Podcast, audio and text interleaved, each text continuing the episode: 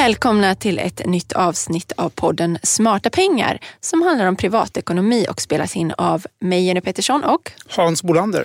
Och vi skriver ju då normalt sett om privatekonomi i eh, DI, både tidningen, på nätet Jajamän. och så pratar vi här. Du Hans, i förra podden för två veckor sedan så pratade ju vi om eh, räntor, bolåneräntor och om varför de, framförallt då de långa räntorna kommer att stiga mer än de korta på sikt här nu. Och vi fick ju helt rätt, alltså kanske ändå lite snabbare än vad vi trodde, eller vad, vad säger du? Ja, nej men absolut. Jag tycker också det. Nu ska vi säga att det är ju, jag tror att det bara hittills är det, eh, när vi spelar in det här, tre institut ja, som har höjt eh, boräntorna. Men jag tror att det kommer fler komma efter. Men alltså, dels är det konkurrens, att man lurpassar lite grann. Eh, men sen eh, så att eh, vi fick verkligen rätt. Ja, det var en bra spaning vi gjorde där. Ja. Ja, för det som har hänt då är ju att eh, tre banker, precis som du säger, har höjt eh, listräntorna då på de lite längre lånen. Exakt, man binder på två, uppåt, ja, ett, två år och uppåt Ja. tror jag. Och framförallt mest då eh, till exempel Länsförsäkringar. De höjde då på fem års bindningstid med 0,3 procentenheter. Men de med två eh, år eller då lite kortare än fem år, då var det lite mindre höjning. SBAB höjde mm, 0,2 procentenheter för alla bindningstider från två år upp till tio år. Men men då ska man ju komma ihåg att det är lite, skiljer ju lite här i modeller också. Läns, jag, jag är lite osäker på hur Länsförsäkringar har det men Nordea har också höjt. Ja, Eh, 0,25 har ganska flera udda Ja, precis. Och där, men där är det ju, Nordea har ju listräntor och där finns det ju ganska bra prutmån på dem. Så att de säger ganska lite om vad folk faktiskt har för ränta. Däremot har ju SBAB ett annat system som en del andra banker har också som är liksom helt transparent där du uppfyller vissa villkor, till exempel vad du har för eh, belåningsgrad på din Just det. bostad, då får du en viss ränta helt enkelt och också kopplat till, lite till låne, lånebelopp. Men, eh, så, så, där, så det ska man ju verkligen komma ihåg att det här är ju kanske då inte räntan du får. Men det är, men det är, ett, det är ett mönster vi ser, eller en Ja, det är trend det. här nu då. Och vi kan väl kanske också förvänta oss då att den eh, fortsätter. Jag kan eh, flika in med att Riksbanken kommer med en stabilitetsrapport nu i, i veckan och där de återigen varnar för hushållens stigande skulder för de är nu på rekordhög nivå även i ett internationellt mått. Så, men inte rekordhöga internationellt men de är höga internationellt påpekar Riksbanken. Eh, de har alltid varit lite bekymrade över det här men de var intressant. De tog fram ett räkneexempel. Att har man ett lån på 2 miljoner och räntan, eh, eh, dagens räntenivå på cirka 1,5 procent tror jag de räknar med. Då, då är det inte orimligt att tänka sig att månadsutgiften stiger från 2 500 kronor till 7 500 kronor. Om, eh, givet då att räntan fördubblas så att säga. va. Så att det, där, det är ju sånt där som hushållen alla måste tänka på och bygga, ha lite marginaler för. Antingen låsa räntan på längre tid eller se till att man har marginaler att betala det här så det inte kommer som ett väldigt oväntat brev på posten. Mm, precis. Eh, nu när vi är inne på bostadsmarknaden så har vi ju sett också eh, med bostadspriserna eh, som har gått upp eh, kraftigt på vissa ställen och i andra inte på samma sätt. Och nu kan man ju se då liksom om, om räntorna går upp blir det intressant att se hur det påverkar priserna. Vad tror du? Ja, ja, jag tror att det kommer att påverka. Inte, också givet hur snabbt går det här. En, om det går i lite långsam takt så tror jag marknaden hinner svälja det. Men på lite sikt, om vi tittar ett år framåt, så tror jag att bostadsmarknaden har dämpats och börjar teckna in de här. Men det tar lite tid om det går långsamt, vilket då är väldigt bra. De här snabba kasten gynnas ju ingen av. Men jag tror att på sikt, om vi har, säg att vi har boräntor som står 1 procent en, en procentenhet högre om ett till två år så kommer det som vi sätta avtryck på marknaden. Sen hur mycket, det tror jag beror på hur ser det efterfrågan ut, eh, hur konjunkturen, var bor du någonstans, bor du där det är bostadsbrist eller där det finns ett utbud. Man har ju byggt nästan lite för mycket i städer som Uppsala och sådär. Eh, Apropå det där var, var du bor någonstans, visst hade du eh, just tagit del av någon undersökning om det där hur, hur vi vill bo? Ja, eh, och det är faktiskt lite intressant. är att, eh, som vanligt är det då att många vill bo på marken. Så hälften säger att de helst vill bo i villa eller radhus. Eh, 20 procent säger faktiskt att de kan tänka sig en gård på landet. Och det är lite kul. Vi hade ju där gröna vågen. Det var väldigt länge sedan, det var på 70-talet. Det kom, kommer du inte ihåg ihåg, jag kommer knappt ihåg det, men, det var, men då, då minskade faktiskt befolkningen i, i Stockholm och i, i storstäderna generellt under nästan ett helt decennium. Och det var många som flyttade ut på landet. Så det var inte bara en myt, utan det var Nej, på riktigt? det var på riktigt. Och eh, nu börjar man prata igen om lite gröna vågen och sådär. Och idag skulle jag vilja säga att det kanske är lättare än någonsin att bo utanför storstäderna tack vare den digitala tekniken. Du kan jobba, du behöver inte jobba som bonde eller i den lokala skolan som kanske är nedlagd. Men, Nej, men, du, men du kan ju jobba då. Eh, du kan vara lärare digitalt istället. Exakt, man kan, alla tjänstemän och sånt som har den typen av jobb kan jobba. Så att, eh, ja, men jag tycker det, det är en spännande utveckling att vi, och det, det är naturligtvis framdrivet av de höga priserna. Folk, vad finns det för alternativ? Jag kan mm. inte köpa en villa för 8 miljoner. Liksom det, nej, men då finns det bra alternativ. Men vad, har, du, alltså, kan du jag, tänka dig att bo så? Eller? Jag vet inte, jag är lite tveksam faktiskt. Vissa perioder eh, på året när vi är på ett landställe, min familjs landställe på västkusten så tänker jag, tänk vad härligt det skulle vara att bo här året runt. Ja. Men sen så tänker jag, ah, när vintermörkret kommer, det blir halt på vägarna, man har långt till allt.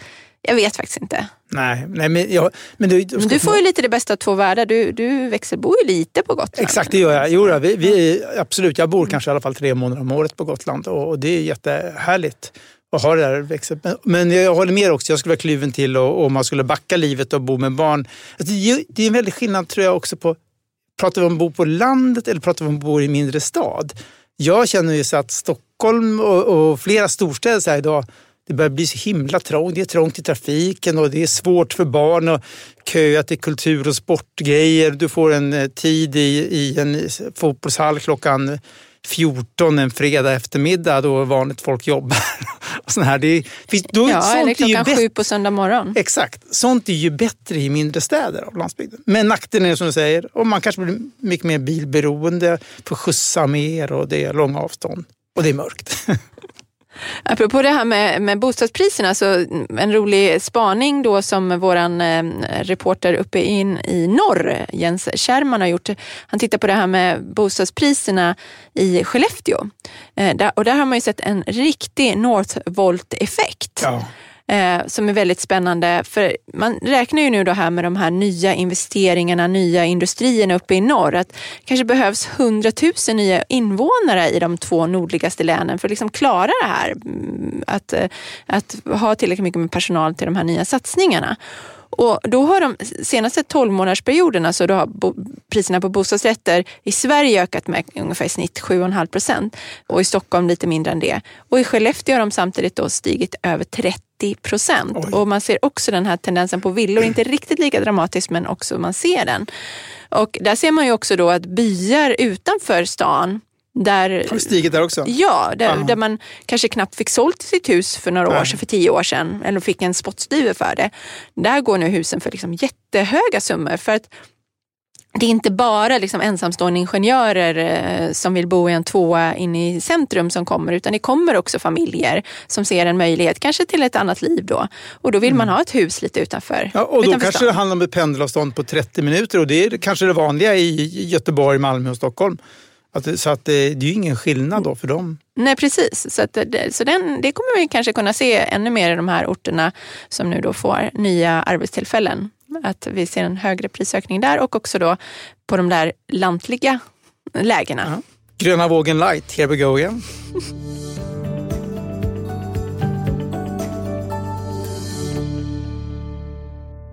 Vi byter ämne till pensioner, för det var det som vi skulle prata om idag också.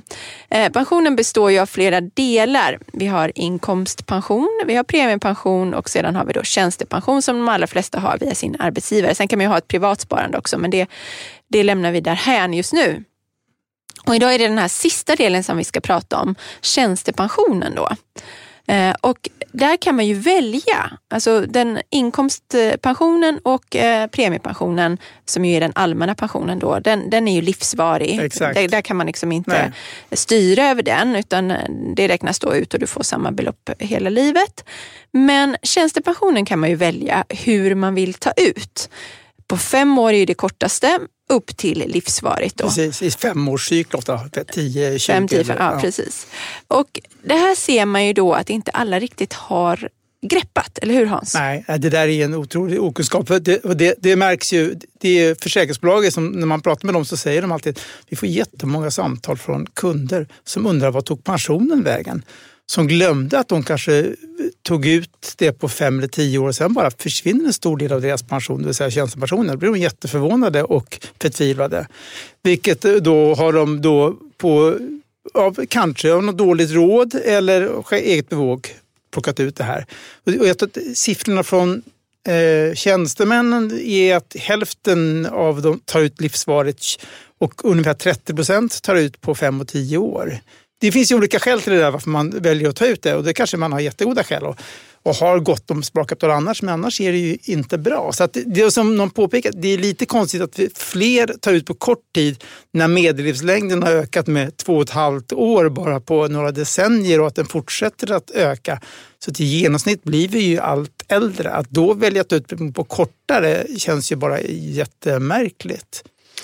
Det finns ju några uträkningar som, eh, som du har tagit del av där det visar då om man tar ut det på fem år, hur mycket har jag fått efter fem år ja. om man slår ihop det och om jag väljer att ta ut det liksom på 15 år hur mycket, eller, eller något annat, hur mycket har jag fått ut då totalt?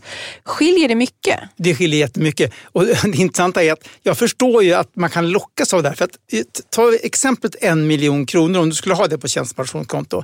Tar du ut det på fem år, då får du ut 17 700 i månaden i fem år. Men sen är det slut. Tar du ut det eh, livsvarigt så får du ut 4 700 kronor per månad. Men du får det livsvarigt. Och, men redan vid drygt 80 års ålder, om du lever till 80 års ålder, då har du fått ut mer än den här miljonen. Eh, och, här, och vid, vid 90 så har du fått ut kanske en och en halv miljon.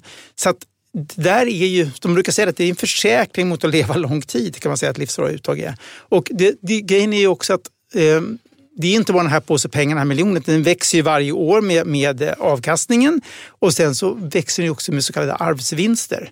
Så att, så att då kan man säga att de, yng, de som dör lite tidigare de, och det finns det pengar kvar så går de in i kollektivet och får kollektivet. Så att det är så mycket som eh, vid, vid 80 års ålder är det 3 procent om året i extra avkastning. Eh, vid 90 års ålder är det 12 procent extra i avkastning som de får på grund av det här. Så att, ja, jag skulle nog säga att det är klokare eh, i alla fall om man inte känner att man har ett jättestort buffert annars, att ta ut det livsvarigt. Jag tänker att om man tar ut det på kort tid, så de här arvsvinsterna det är ju en väldigt bra poäng för att ta ut det på, på lång tid. Eh, men om man tar ut det på kort tid så eh, är ju det viktiga att vara medveten om att man gör det och då Absolut. själv, för om man tänker så här, nej men jag, jag vill, tänk om jag dör om fem år och så, får, så brinner alla pengarna inne, eller då går ju de till andra, andra pensionssparare. Eh, men, men de går ju inte till dig eller din familj då. Eh, och så tänker man att det vill inte jag riskera, då, då vill jag hellre ha ut de här pengarna.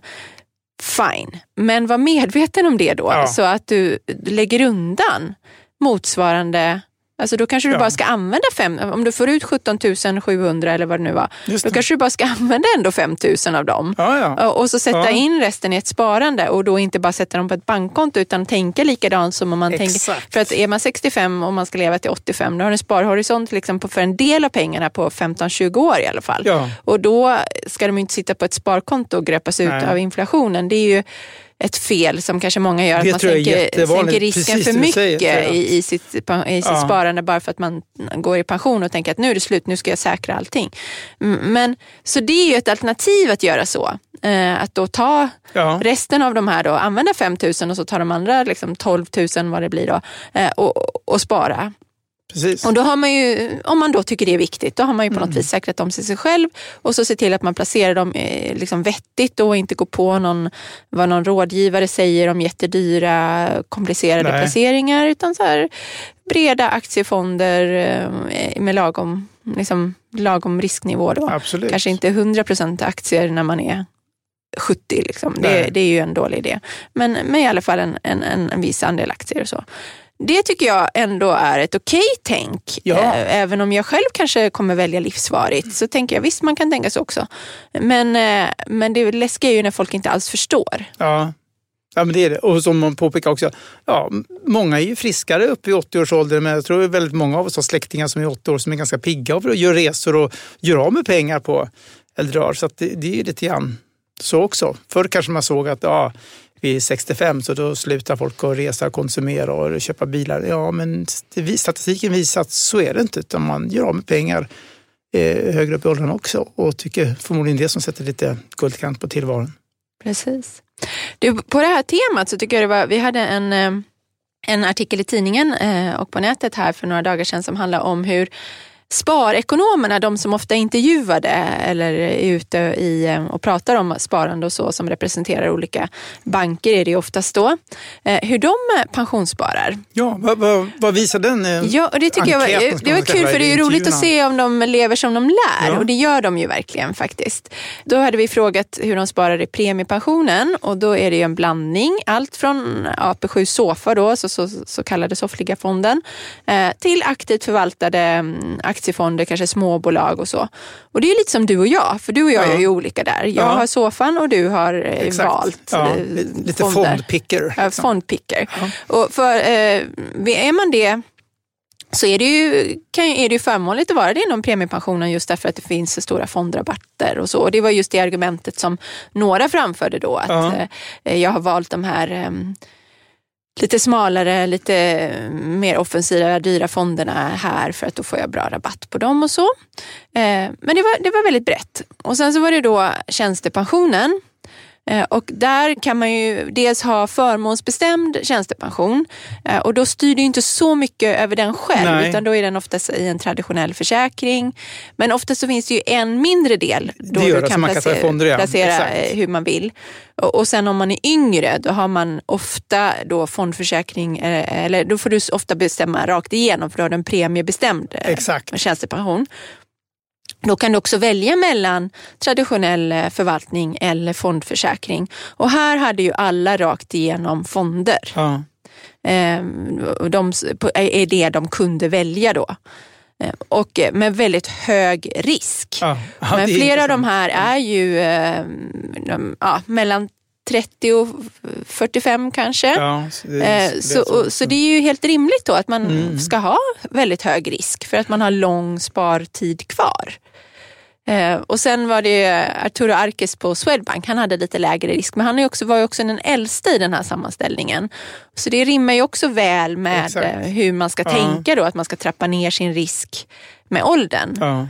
Och det är ju så att har man soffan i premiepensionen då börjar ju den trappas ner från 56 i uh, risknivå. Just det.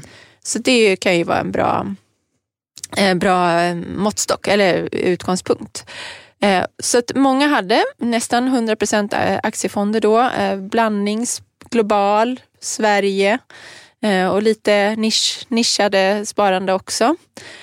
Och sen så frågade vi också om privatsparande och det var, hade de flesta, mm, men inte alla. För vissa tyckte att de inte behövde det längre. De har redan sparat ihop så mycket pengar. De är ju duktiga på att spara de här, ja. några av dem. Men också genomgående hög risk ja. där. Så det var intressant tycker jag. Ja, ja men, så den, eh, jätteintressant. Ni, ni, som har det i kan, eh, kan gå in på nätet och läsa den här artikeln lite mer i detalj. Ja, det ska, få... det ska ni göra. Mm. Det, var, det, var inget, det var ju synd då att det rent eh, uppmärksamhetsmässigt att ingen stack ut och hade det här lite udda. Som är de värsta domedagsprofeterna som bara köper guld, gräver ner det och så har de en yxa och en koja i skogen. Så räknar med att typ samhället ska gå under. Då kanske de inte hade fått behålla sina jobb. Nej, sannolikt inte. Han får åka ut den här kojan redan nu.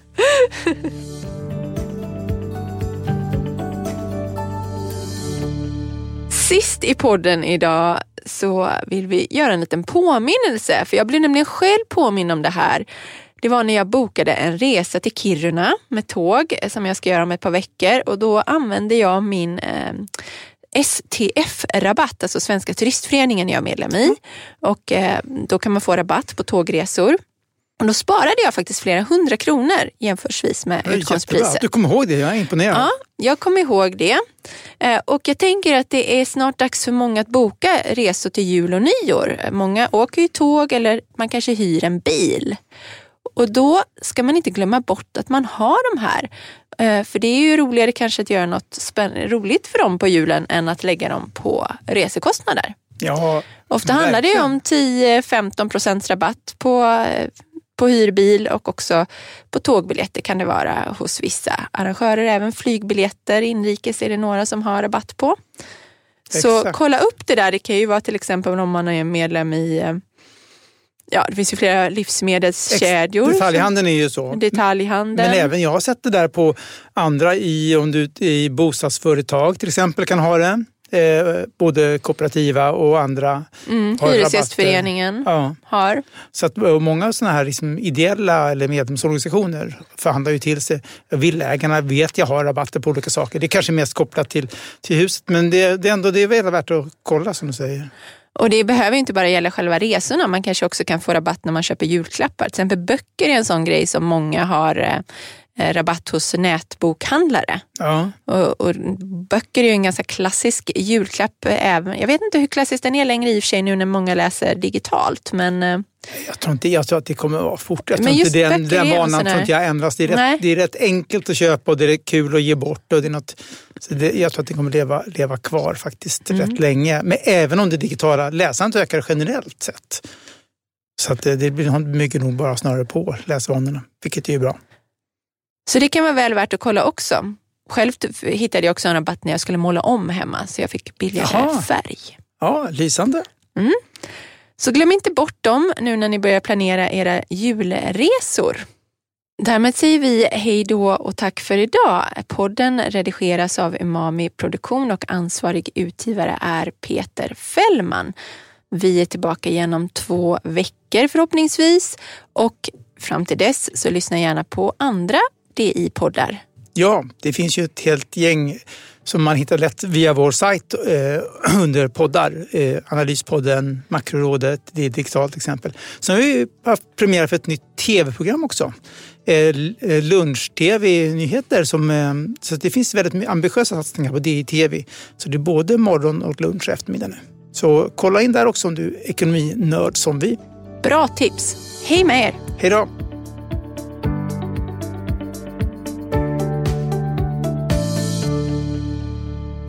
Varje vardag klockan sju uppdaterar Ditvs Morgonkoll dig om natten och morgonens viktigaste nyheter. Från börsstängningen i New York till läget i den asiatiska handeln. Och strax därefter kommer podden med samma namn. Prenumerera på Morgonkoll du också så är du uppdaterad inför varje ny arbetsdag. Morgonkoll finns där andra poddar finns.